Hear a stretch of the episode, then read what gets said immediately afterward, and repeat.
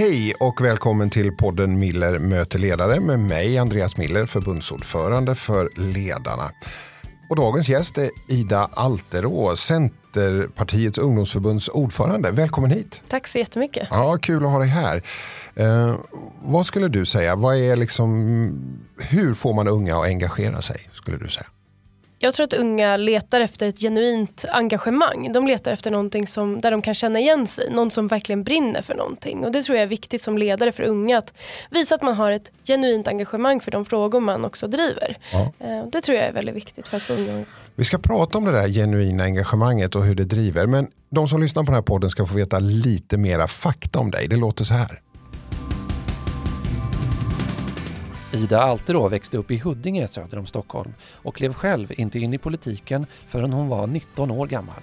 Hon har politiken i blodet som dotter till de centerpartistiska politikerna Anna-Karin Hatt, tidigare IT och energiminister, och Ola Alterå som också var ordförande för Centerns ungdomsförbund under 90-talet och senare även statssekreterare hos Maud Olofsson.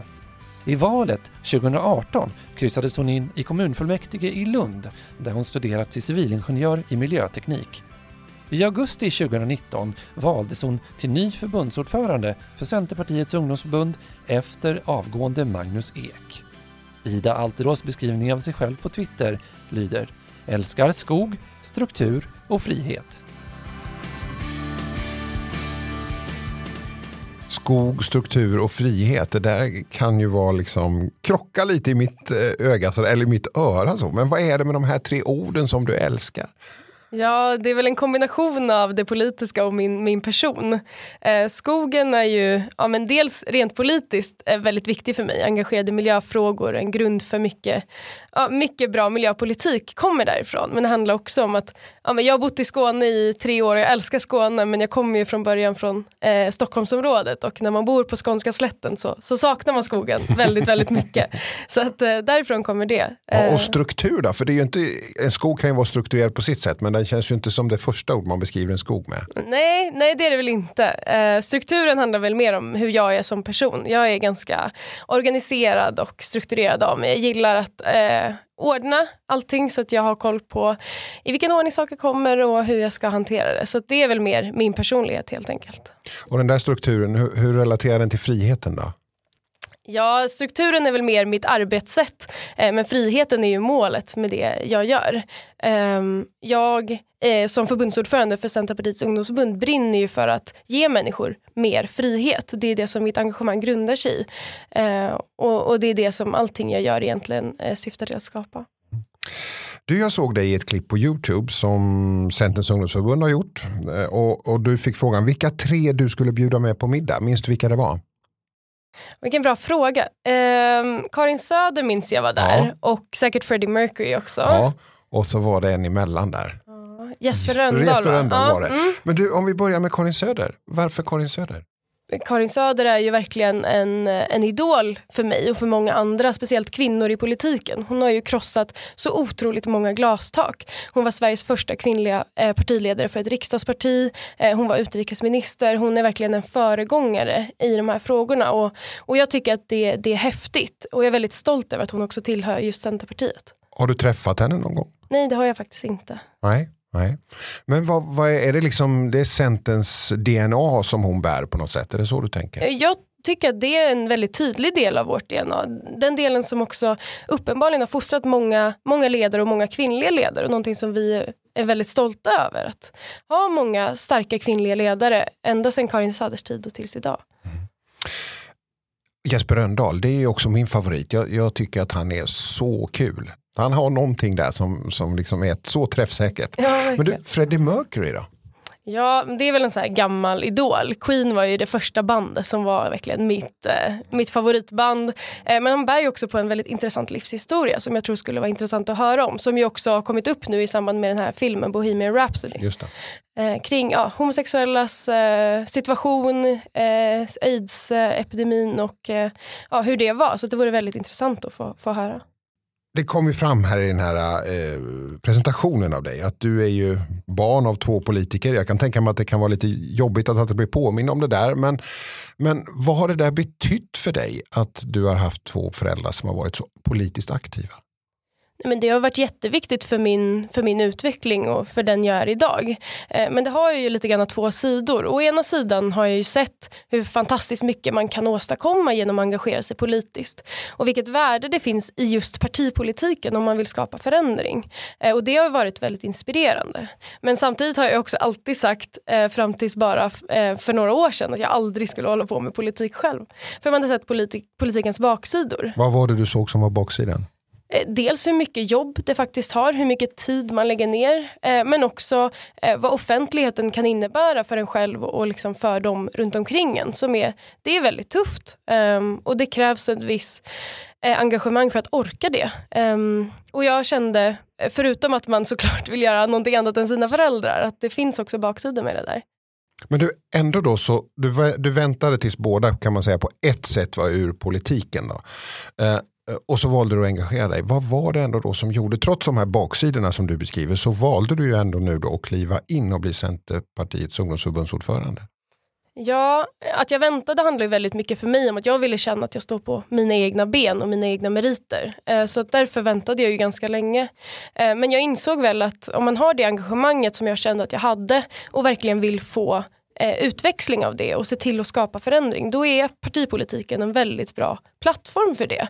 Det finns egentligen inget annat sätt som är så effektivt skulle jag vilja säga som att ge sig in i partipolitiken om man vill skapa samhällsförändring. Och då övervägde de positiva delarna eh, baksidorna helt enkelt. Eh. Men Ida, du är 22 år.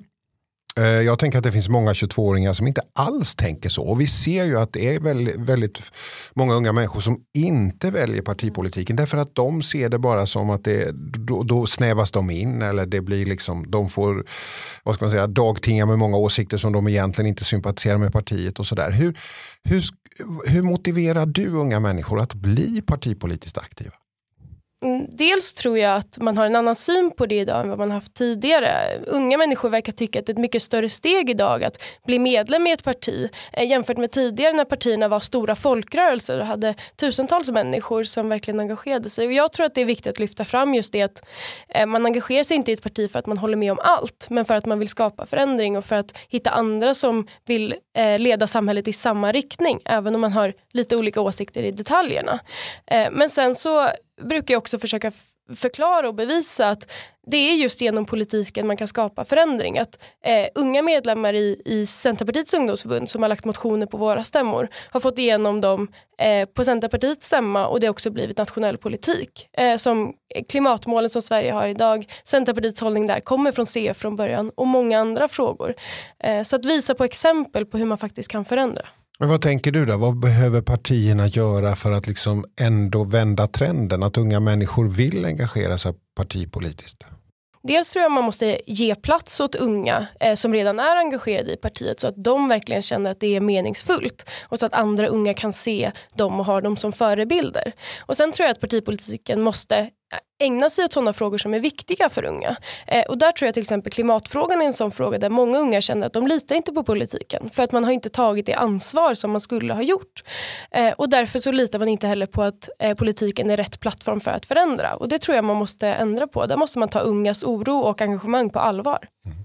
Vad var det som gjorde då? Vad var det, som, vad var det du, du började ju, vi började den här podden med att säga att du brinner. Det är viktigt med engagemanget och visa det och så.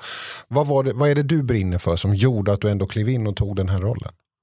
Från början så är det just miljö och klimatfrågorna som jag brinner för och det är ju eh, precis många andra i min generation som också gör det därför att det handlar om, om vår gemensamma framtid eh, på den här planeten. Eh, så det är liksom fundamentet för mitt engagemang och sen så i samband med flyktingvågen 2015 och den debatt som uppstod kring det kring eh, människor som vill komma till Sverige så kände jag att nu måste jag ge mig in i det här därför att den här debatten går inte åt rätt håll. Det gör den fortfarande inte och därför är jag också fortfarande lika starkt i mitt engagemang att det behövs eh, människor som står upp för frihet och för liberala värderingar. Greta Thunberg eh, har ju liksom satt klimatfrågan allra längst upp på dagordningen eh, och, och, har ju haft en enorm genomslagskraft. Och hon jobbar ju inte genom ett politiskt parti. Hon, man skulle kunna säga att hon är en klimataktivist. Mm. Så, vad, vad tänker du om dig själv? Är du en klimataktivist? Det beror på vad man lägger in i ordet aktivism. Alltså aktivism i sin renaste form handlar ju om politisk påverkan och på det sättet är jag väl en aktivist. Men samtidigt så brukar man ju definiera aktivism som är det som ligger utanför partipolitikens ramar. Och jag har ju valt politiken så att jag brukar inte prata om mig själv som, som aktivist. Däremot tycker jag att aktivister eh, som Greta Thunberg och alla andra unga i Fridays for Future fyller en jätteviktig roll. Att verkligen sätta press på politiken och visa vart man vill att politiken ska gå. För alla kommer inte engagera sig politiskt men alla kan vara med och visa åt vilket håll de vill att samhället ska utvecklas. Det här är en podd där vi möter ledare och du är ordförande för eh, Centerns ungdomsförbund och du är ju en ledare helt enkelt. Eh, hur skulle du säga, hur är du som ledare? För mig är det viktigt att eh, förändra genom att förankra. Jag försöker att jobba mycket med att ja, få med mig eh, grupper kring det som jag vill förändra och se till att alla är med på tåget. Eh, jag vill en ganska, eh, eller jobba med att försöka vara en transparent ledare och vara öppen och ärlig med att jag är en person som vill någonting och, och jag är ledare men det är också någonting vi skapar tillsammans. Förändring skapar vi tillsammans och det, det är någonting som jag försöker arbeta med mycket i ungdomsförbundet därför att eh, jag vill att så många som möjligt ska ta del av och eh, skapa den här förändringen som vi vill åstadkomma tillsammans. Vad tänker du om den där balansen mellan att driva på och stå för en åsikt och lyssna in och liksom det där, liksom, hur, hur tänker du runt det? Ja, jag tänker att det är en utmaning som politiker mycket har för man engagerar sig ofta för man har väldigt tydliga åsikter och vill föra ut dem. Samtidigt är det ju viktigt att lyssna in både experter och allmänhet och deras synpunkter och det är väl en utmaning man har som politiker ofta. Eh, och jag jobbar också mycket med det, att se till att hinna hämta in kunskap, information och synpunkter hela tiden. Du, jag läste en intervju med dig inför att du skulle bli vald att du vill jobba mot psykisk ohälsa i ungdomsförbundet. Eh, är det ett så stort problem? Ja, psykisk ohälsa är ju ett ökande problem bland alla unga idag mm. och även i ungdomsorganisationer. Där finns ju också många högpresterande ungdomar som verkligen vill åstadkomma mycket och det är fantastiskt. Men det kommer också med stora risker att man tar på sig för mycket, att man bränner ut sig. Eh, för det ser vi att det är många unga idag som bränner ut sig redan i 20-årsåldern och det det är helt enkelt någonting som inte är acceptabelt. Så kan vi inte ha det. Eh, och dels har jag själv erfarenhet av, av psykisk ohälsa som jag gärna vill vill eh, dela med mig av och se till att leda eh, med den erfarenheten i ryggen och se till att det inte är fler som behöver drabbas av det. Så det är ett jättestort problem, jättesvårt att hantera men jag tror att det är viktigt att vara öppen och ärlig själv och föregå med gott exempel och se till att uppmuntra en kultur där det, det är okej att engagera sig såklart men det är också okej att eh, ta paus när det behövs. Hur gjorde du då för att brottas med din psykiska ohälsa? Jag gjorde just det. Jag tog paus. Jag tog tid för mig själv och bad om hjälp. Och det är det som jag försöker uppmuntra andra att också göra när det känns eh, jobbigt. Kan partipolitiken vara väldigt krävande? Ja, absolut. Och den är ju också i offentligheten på ett sätt som kan vara väldigt utmattande för många. Och det är inte bara mm, jag som ordförande utan även eh, bara medlemmar i vårt förbund. De är på Twitter, de är på Instagram, de utsätts för frågor och anklagelser och påhopp hela tiden. Och det är klart att det kan bli otroligt utmattande. Eh, så det är extra viktigt då att man håller koll på det här och ser till att folk vet vart de ska vända sig om det börjar kännas för jobbigt. Du i den där presentationsfilmen på YouTube där du lyfter Karin Söder och Jesper Rönndahl och Freddie Mercury så får du också frågan om ditt bästa råd och då kavlar mm. ju du upp din arm och, och då finns det en, det är en tatuering va? Ja. ja. Du behöver inte kavla upp den här men där står det be aldrig om ursäkt igen. Vad betyder texten och hur kommer det sig att du ville göra den där tatueringen?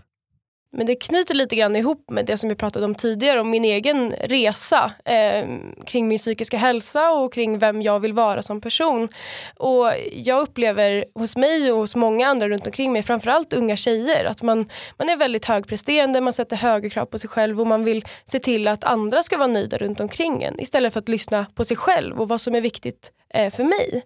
Eh, och därför, efter att jag under lång tid bearbetat det här och funderat över hur jag vill vara, så bestämde jag mig för att skaffa den här tatueringen för att påminna mig om att jag inte ska be om ursäkt för mig själv och för att jag ska stå upp för det jag tror på och det jag tycker är viktigt. Eh, så därför har jag valt att tatuera den för att tänka att då kommer jag aldrig glömma bort det. Men vad är det där då? Vad, vad, vad, är, vad, vad är det som gör, vad, vad har du sett för för strukturer eller eh, som gör att, att du liksom inser att nej men jag, du måste stå upp för det här? Va, vad är det som trycker på? Hur skulle du beskriva det? Ja, alltså om man ska prata om att det handlar om många unga tjejer som, som känner det här så är det ju mycket de normer och strukturer som finns kring, kring kön i samhället idag. Det är också mycket av grunden till varför jag eh, är feminist och engagerar mig i den feministiska kampen därför att eh, tjejer idag fostras till att ja, ta hand om folk runt omkring dem och se till att alla andra mår bra och inte kanske så mycket att eh, ta hand om sig själva. Samtidigt som killar blir inlåsta i en roll där de inte får lära sig att hantera känslor eh, på samma sätt. Och det, det är inlåsande och begränsande för båda två. Så att, eh, det tror jag är en grund till det. Eh, och sen är det såklart, eh, det är många som har diskuterat det här med högpresterande eh, personer i allmänhet och det är ju någonting som i kombination med det här blir väldigt tufft.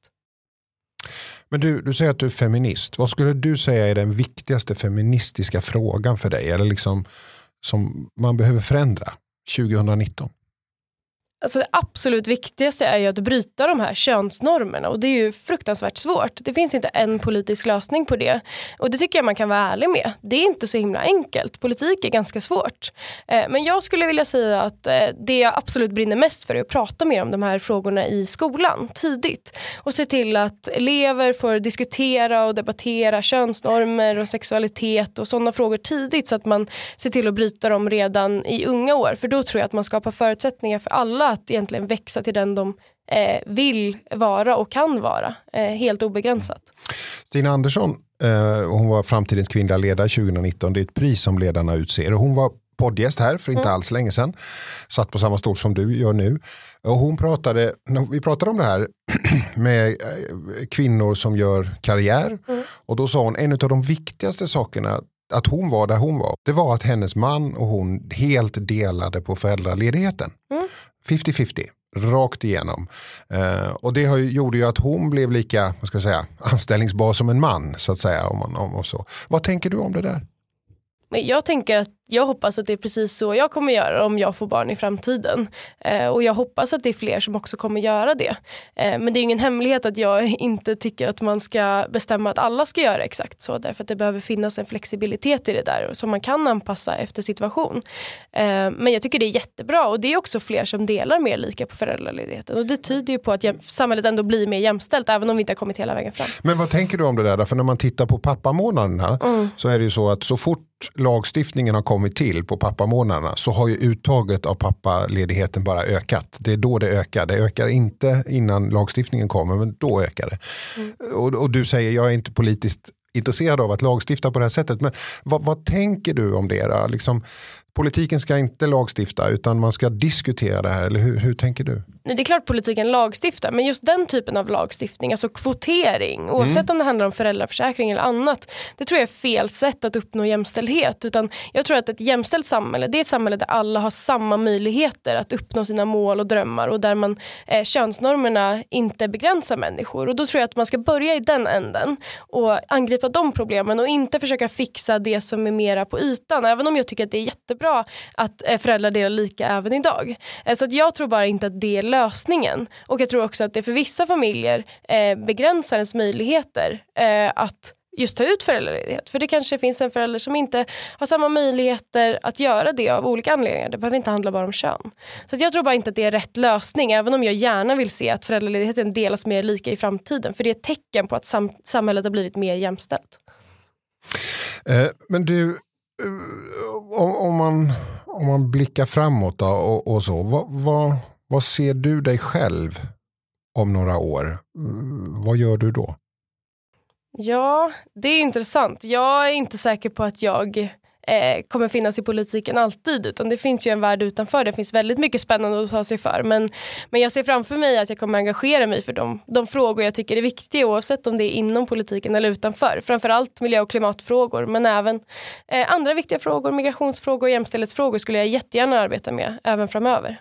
Är du färdig med din examen som miljöingenjör eller? Ja, det, det vill jag väldigt gärna bli eh, någon gång. Men det ligger ju en bit fram i tiden. Nu har jag fått släppa det för ordförandeskapet. Ja, att, eh, men eh, någon gång ska jag bli färdig, absolut. Jag ska inte vara...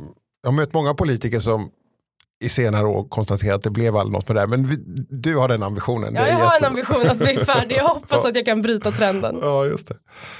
Ida, eh, oerhört kul att ha dig här och eh, eh, lyssna till dig och dina tankar. Den, den här podden börjar närma sig sitt slut Mm. eh, och då i Miller möter ledare så får gästen möjlighet att ge ett råd till chefer och ledare. Eh, Så nu har du möjligheten. Vad skulle du vilja ge för råd utifrån dina erfarenheter? Ja, om vi ska utgå från arbetet som ungdomsförbundsordförande då, och engagemanget hos unga så är det just det där som jag inledde med. Att våga visa engagemang, våga visa varför du gör det du gör, vad det är du brinner för och var det kommer ifrån. Eh, för det tror jag verkligen inspirerar många andra och engagerar många att, att eh, också eh, ta plats i, i samhället och i samhällsdebatten. Så det är nog mitt största, största råd, att våga visa ditt engagemang, vad du brinner för. Eh, tack Ida Alterå att du gästade podden Mille möter ledare. Kändes det okej? Ja, jättefint, det var superkul. Ja, vad kul. Vi tackar dig eh, och du som lyssnare för den här gången och vi kommer tillbaka med fler avsnitt. Mm, tack så mycket.